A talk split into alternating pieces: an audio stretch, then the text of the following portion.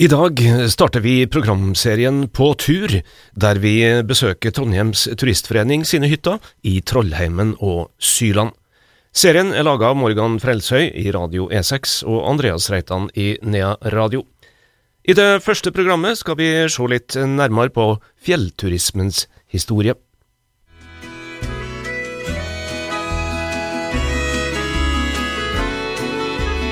Bli med Nea Radio og Radio E6 på tur, der vi besøker Trondheims turistforenings hytter i Trollhemmen og i Syla, og ser på fjellturismen før, nå og i framtida. Serien er støtta av Medietilsynet, og er laga av Morgan Frelsøy og Andreas Reitan. Og vi har fått god hjelp av gruppa Sol i skuggeskog med den vakre melodien Fjelltur. I dag skal vi langt tilbake i tid og vi spør hvorfor begynner byfolk å dra til fjells? Frode Støre Bergrem er daglig leder i Trondheims turistforening. Ja, det, det, er jo en samfunnsutvikling det som vi har eh, sett helt frem til nå. Eh, der eh, livet vårt blir kanskje mer stillesittende. Vi blir urbant på en måte. Kontakten med naturen blir mindre. Eh, og Så er det kanskje også noe med at man har tid og overskudd til å se hva er det som mangler i tilværelsen. Og Det var nok det som skjedde, tror jeg, med, med de menn og kvinner i, Trondheim som, som, på en måte savna det å være ute og gå tur ute i naturen og oppleve naturen. Eh, og starta Turistforeninga med den begrunnelsen.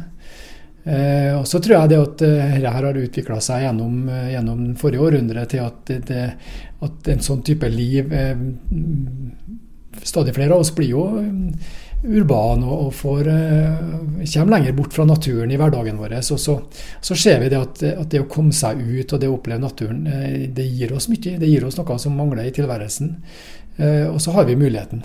Vi har både råd og tid til å, til å til å ja, oppleve naturen og ønske oss ut. Da. Så, så, Det tror jeg er begrunnelsen for at det starta, og også begrunnelsen for at dette har blitt en, en folkebevegelse etter hvert. Engelskmenn kom til Skandinavia, bl.a. til Sverige og Norge, og de ville klatre i fjell. Eh, ikke bare engelskmenn, men flere. Og så fikk de jo også svensker. Dro til Syland bl.a., og nordmenn dro til sine fjell. Vi har litt flere. Men hvem var dem?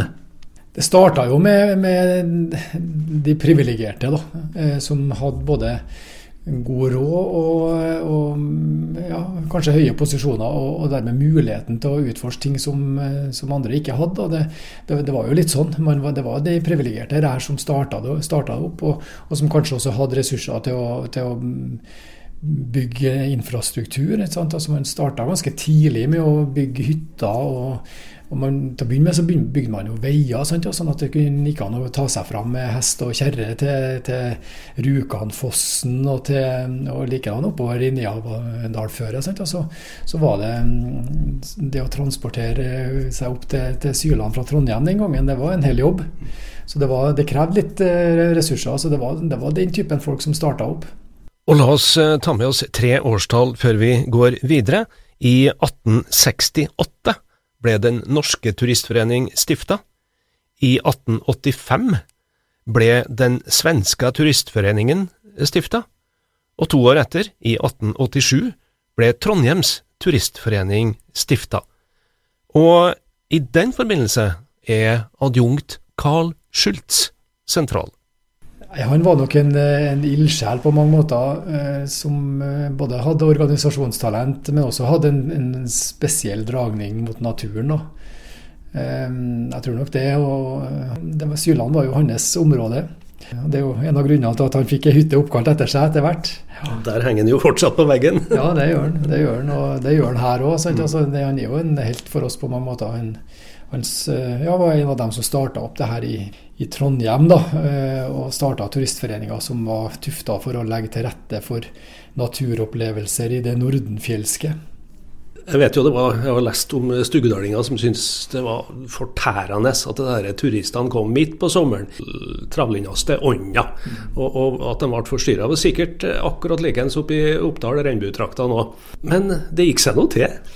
Ja, det, det, er sikkert begge deler. Det, det, tror jeg nok. Men samtidig så vet vi jo at, at det var en viktig attåtnæring for mange av, av bøndene i, i bygdene i Trøndelag, det å ta imot turister. Lenge før Trondheim Turistforening ble til, og lenge før Trondheim Turistforening bygde sine egne hytter, så var jo dette et fenomen som, som var aktuelt. Eh, og mange leide jo ut eh, både på gårdene sine og på setrene sine Eh, rom til færafolk da, som var ute og gikk.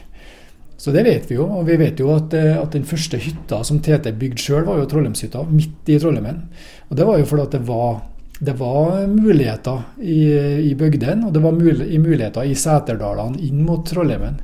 Så derfor så var det, det var den hytta i midten, den midt inni i, i terrenget, som ikke, som ikke fantes. Og derfor ble den bygd først. Det var mye som skjedde i, i århund, på århundreskiftet. Altså Den første hytta som jeg nevnte, Trollheimshytta, ble jo bygd i 1891. Og så, og så kom de jo på rekke og rad i, i Trollheimen, først med Jøldalen. Eh, og så kom eh, samarbeidene i Syland til, da, med, med, fra i Nedalen gård. og eh, I hovedsak der til å begynne med, der var det jo kvarteravtaler og et godt samarbeid. Eh, og viktig samarbeid i mange år før eh, Nedalshytta ble bygd en god del senere. Og den ble jo bygd flere ganger? Ja, den ble, den ble jo det. Der var det neddemming og, og, og, bygging på nytt igjen på 70-tallet. Ja. Det var det. Hvis en ser litt på medlemstall, da. Eh, hvor mange var med fra starten?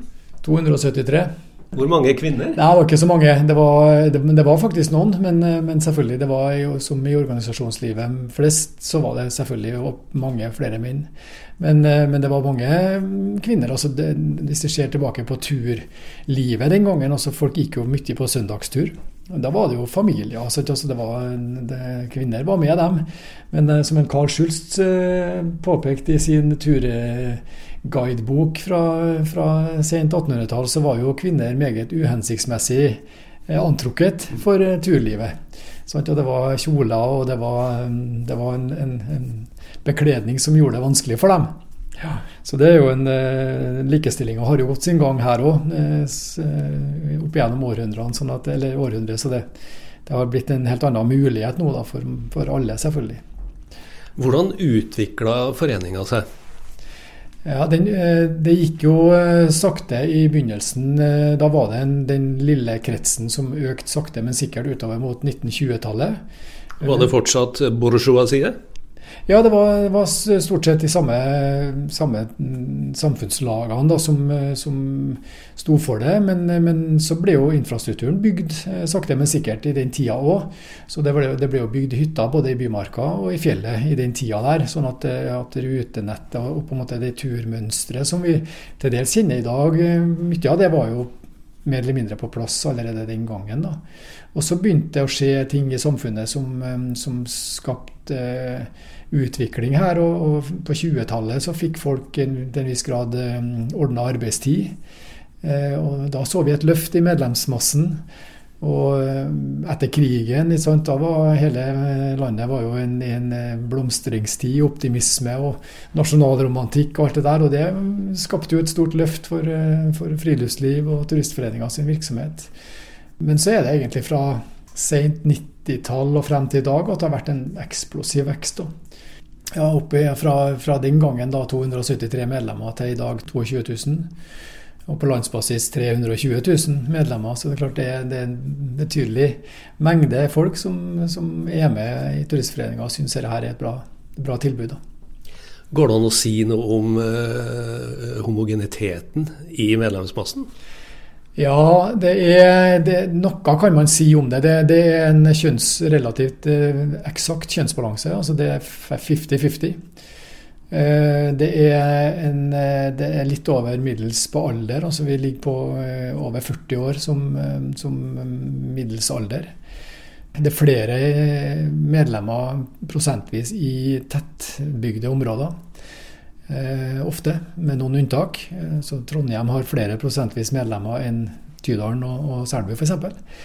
Og så er det til en viss grad noe med, med ut, utdanning. altså Man ser at det, at, det en, at det, er flere som har høyere utdanning som er medlemmer, enn de som ikke har det. Så, så det er noe der. Men, Men det er ganske mangslunkent ellers, ja.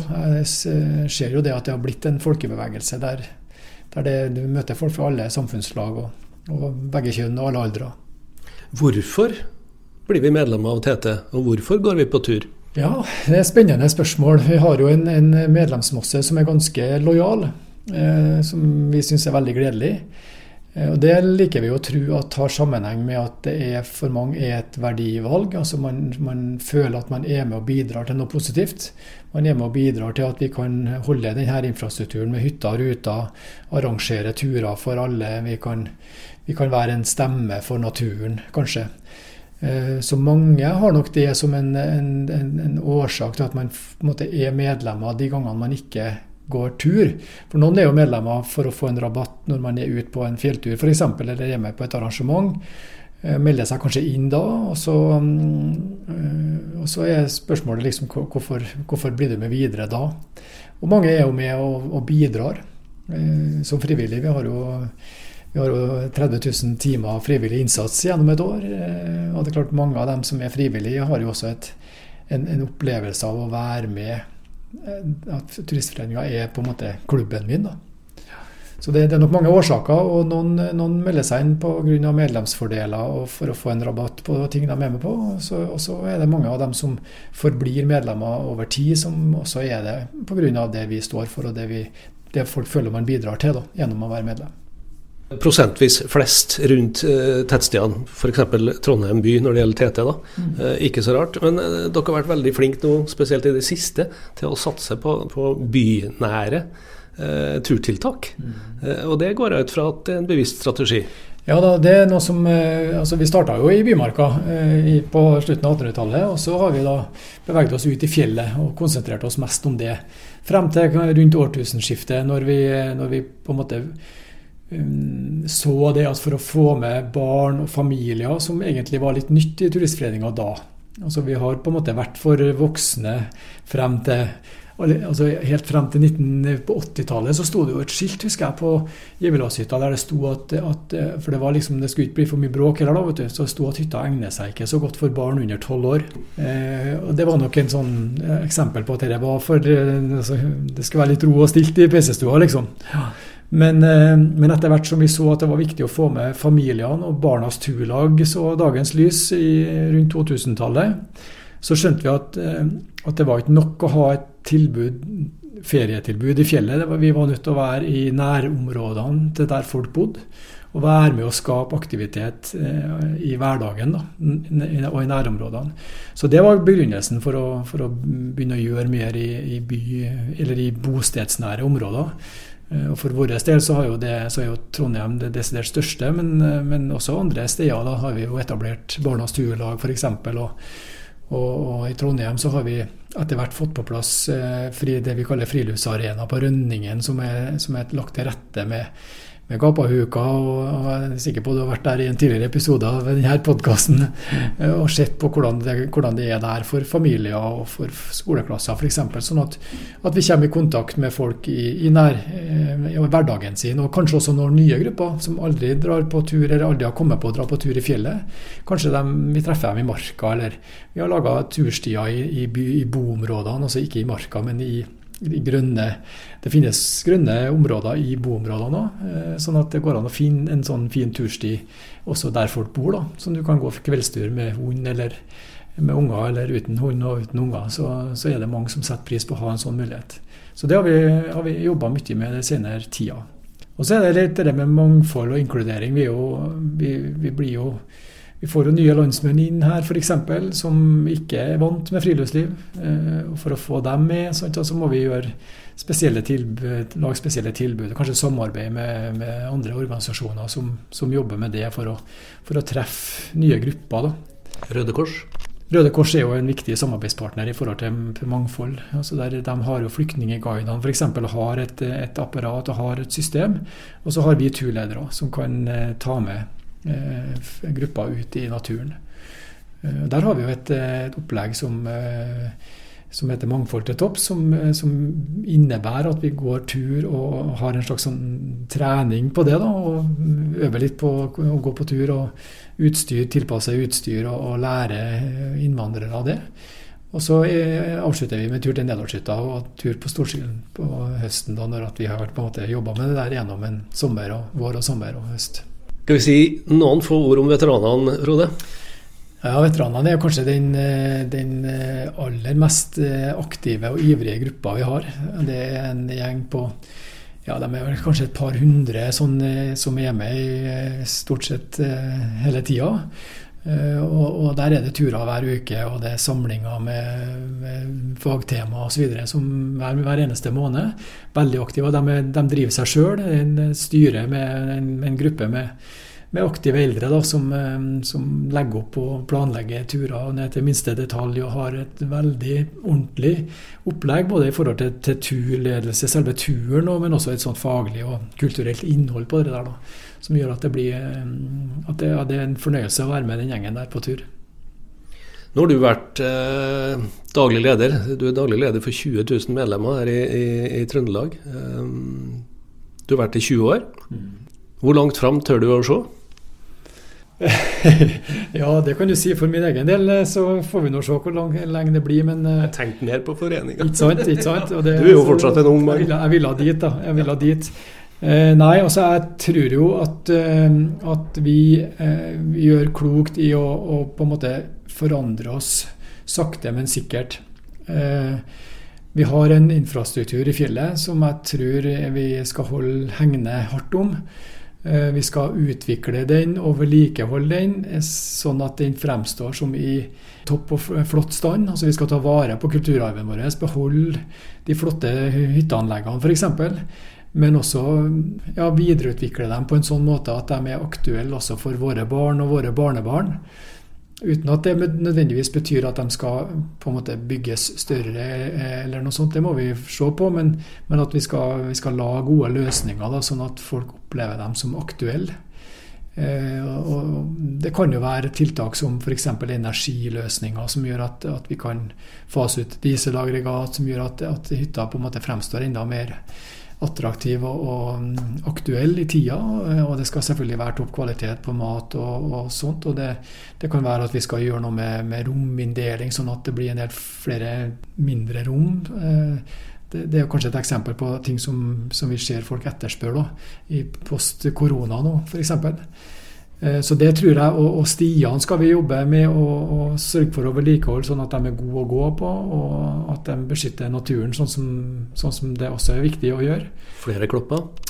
Eh, ja, det, det, tror jeg nok, men samtidig så skal vi ikke ha klopper overalt. Altså, det er noe med å, å tilpasse stiene til terrenget og, og, og, legge dem på mest mulig slitasjesikre steder, sånn at vi slipper å, å klopplegge overalt, for det kan vi ikke gjøre. Eh, det blir for voldsomt. Det er ikke bra for verken å gå på eller naturen, og det er klopp overalt. Men, men klopp er jo et eksempel på et, et, et, godt tiltak som fungerer godt mange, i mange trønderske myrområder. Eh, så det, det, har jo bidratt til å forbedre kvaliteten på stiene eh, veldig da, mange plasser. Men, men det å holde, holde systemet vårt i orden, det tror jeg blir fortsatt en viktig oppgave. Og Så er spørsmålet hva gjør vi enda videre. og det er klart Vi, vi kommer nok til å jobbe videre med, med det bostedsnære. Jeg tror nok at, vi, at det kan f.eks. hende at vi skal prøve å, å, få til et eller annet friluftslivstilbud i alle kommuner. F.eks. at det kan være noe å strekke seg etter. Litt sånn som idretten. At vi, at vi har på en måte aktiviteter for barn og unge som foregår, som folk er med på.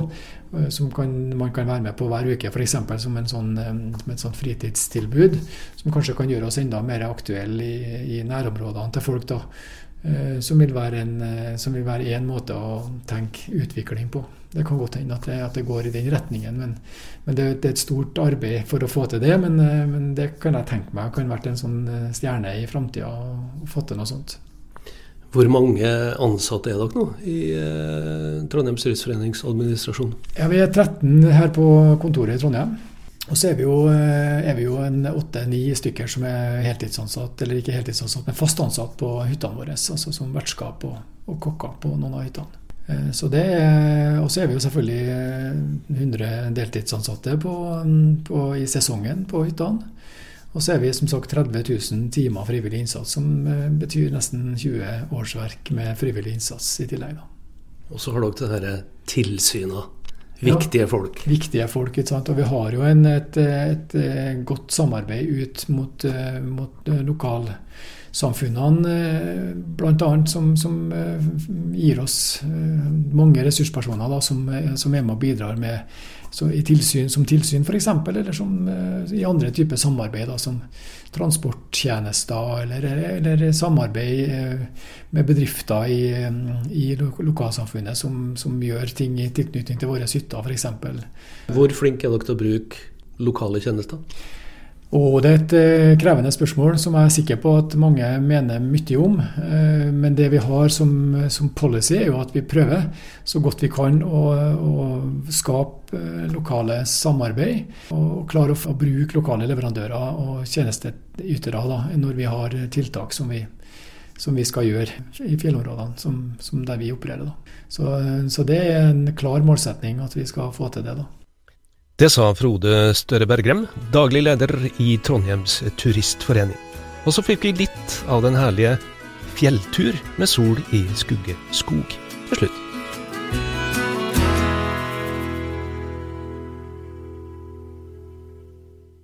Ja, det var det første programmet i serien På tur, laga av Morgan Frelsøy i Radio E6 og Andreas Reitan i Nea Radio. Andreas Reitan hadde i dag møtt daglig leder i Trondheims Turistforening, Frode Støre Bergrem. I det neste programmet skal vi bli med Morgan Frelsøy på tur til Gjevilvasshytta og Trollheimshytta. Vi minner også om at du kan høre denne programserien på nytt i podkastutgaver. Da søker du på Spotify, Apples podkastapp eller Radioplayer, og du leter etter På tur med TT.